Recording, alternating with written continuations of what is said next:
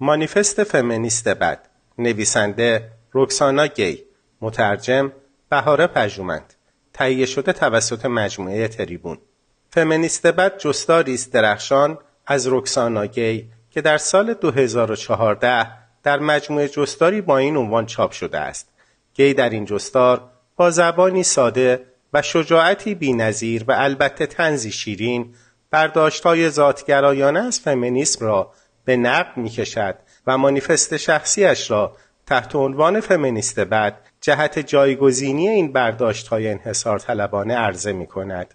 این مانیفست شوخ طبعانه اما در عین حال جدی خیلی زود توجه فعالین فمینیست را به خود جلب کرد و تحسین های زیادی را نصیب این نویسنده خلاق کرد. فمینیسم بعد از منظری دیگر پاسخی هوشمندانه به کچفهمی است که در فرهنگ عامه مرد سالار از فمینیسم وجود دارد.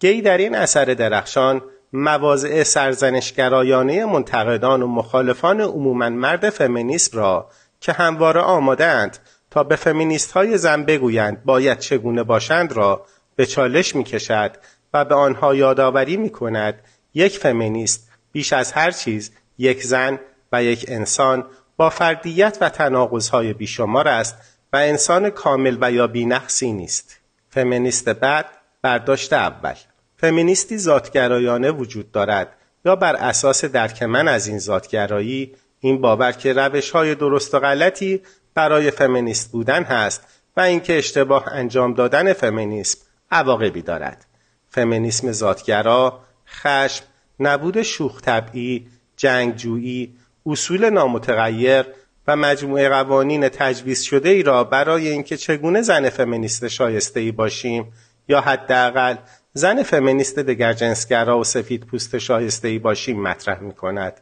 بیزار از پورنوگرافی، نکوهش یک جانبه استفاده ابزاری از زنان، نیاز چشم چرانی مردان را برآورده نکردن، از مردها بیزار بودن، از رابطه جنسی بیزار بودن و غیره. این حتی نزدیک به توصیف دقیقی از فمینیسم نیست.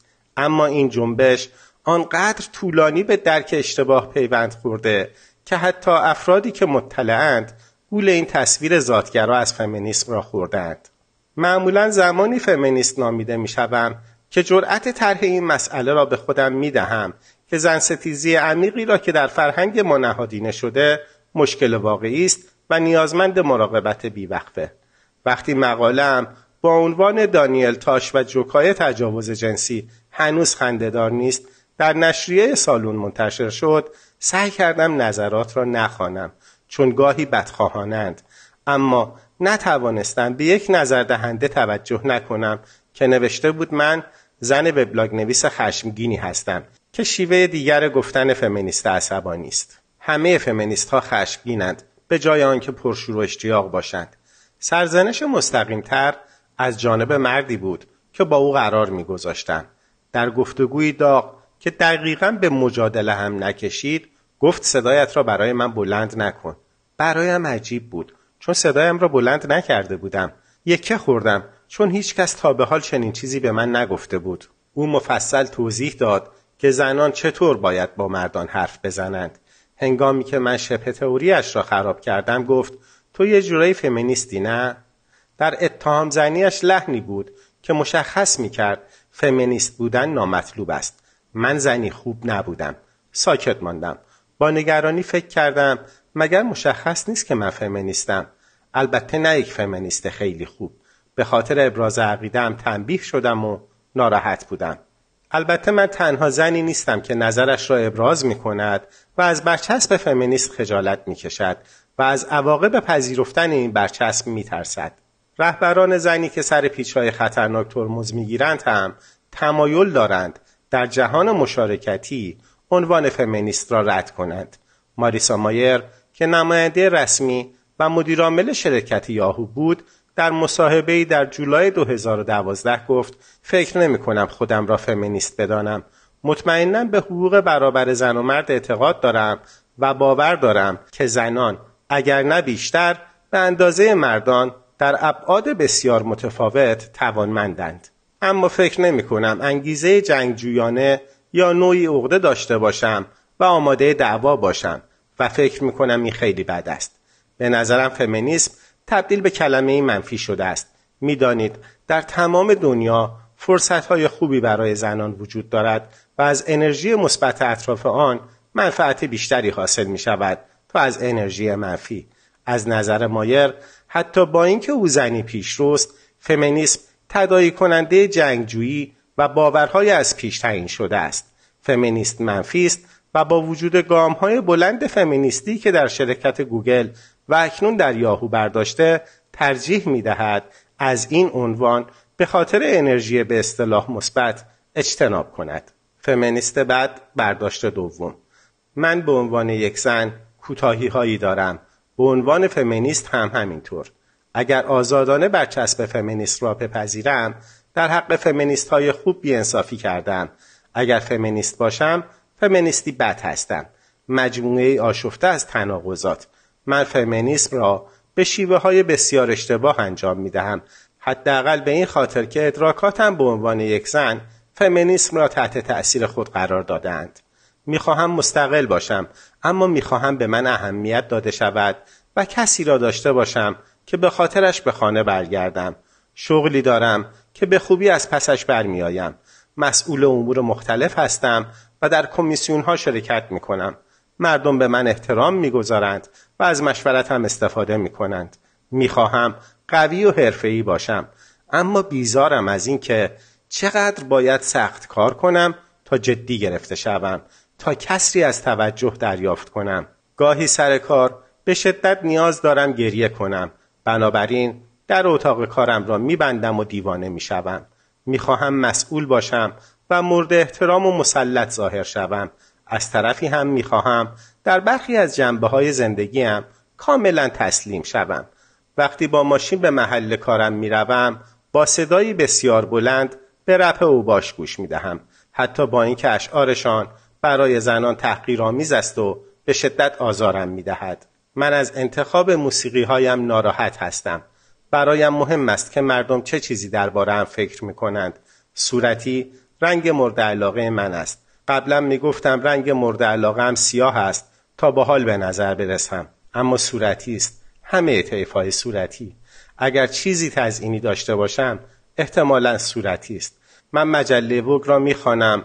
و آن را از روی تمسخر انجام نمی دهم و شماره سپتامبر را مستقیما توییت کردم خیلی کم پیش می آید شواهدی از این مسئله را به نمایش بگذارم اما فانتزی های بسیار افراطی دارم و کمدی پر از کفش ها، کیف ها و لباس های قشنگ و هماهنگ. عاشق لباسم. سالها تظاهر می کردم. از لباس بیزارم. اما نیستم. لباس های ماکسی از بهترین لباس هایی هستند که اخیرا محبوب شدند. من درباره لباس های ماکسی نظراتی هم دارم. موهای زاید پاهایم را می تراشم. دوباره این تحقیرم می کند. اگر از استانداردهای غیرواقع گرایانه زیبایی که برای زنان تعیین شده ایراد بگیرم نباید علاقه مخفی به مد داشته باشم درست است من عاشق بچه ها هستم و می‌خواهم یک بچه داشته باشم مشتاقم سازش های مشخصی بکنم تا این اتفاق بیفتد مثل مرخصی زایمان و کم کردن شدت کار تا زمان بیشتری را با فرزندانم بگذرانم. کمتر بنویسم تا بتوانم بیشتر در زندگیم حاضر باشم. من نگران این هستم که تنها مجرد و بدون فرزند بمیرم چون زمان زیادی را صرف دنبال کردن شغلم و جمعآوری مدارکم کردم. این نگرانی باعث می شود شبها بیدار بمانم اما تظاهر می کنم اینطور نیست چون قرار است تکامل یافته باشم.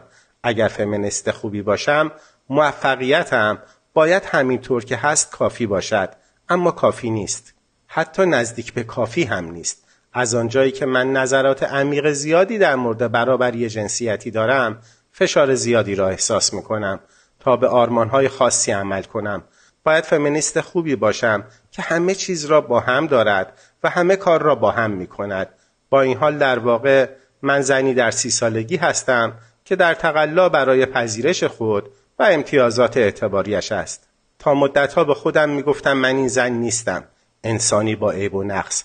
من اضافه کاری کردم تا هر چیزی جز این زن باشم. این کار خسته کننده و ناپایدار بود و نمی‌شد ادامهش داد. حتی سختتر از این بود که به سادگی خود واقعیم را بپذیرم و در آغوش بگیرم. شاید فمینیست بدی باشم اما عمیقا به مسائل مهم جنبش فمینیستی متحدم عقاید محکمی درباره زن ستیزی تبعیض جنسی نهادینه که دائما زنان را در مزیقه قرار می دهد نابرابری در حقوق کیش زیبایی و لاغری حملات مکرر به آزادی باروری خشونت علیه زنان و موارد دیگر دارم. من به همان اندازه که متعهد به مبارزه پیگیرانه و پرشدت برای برابری هستم متعهد به برهم زدن این تصور هستم که یک فمینیسم ذاتگرایانه وجود دارد. در مرحله ای فکر می کردم که یک فمینیست زنی خاص است.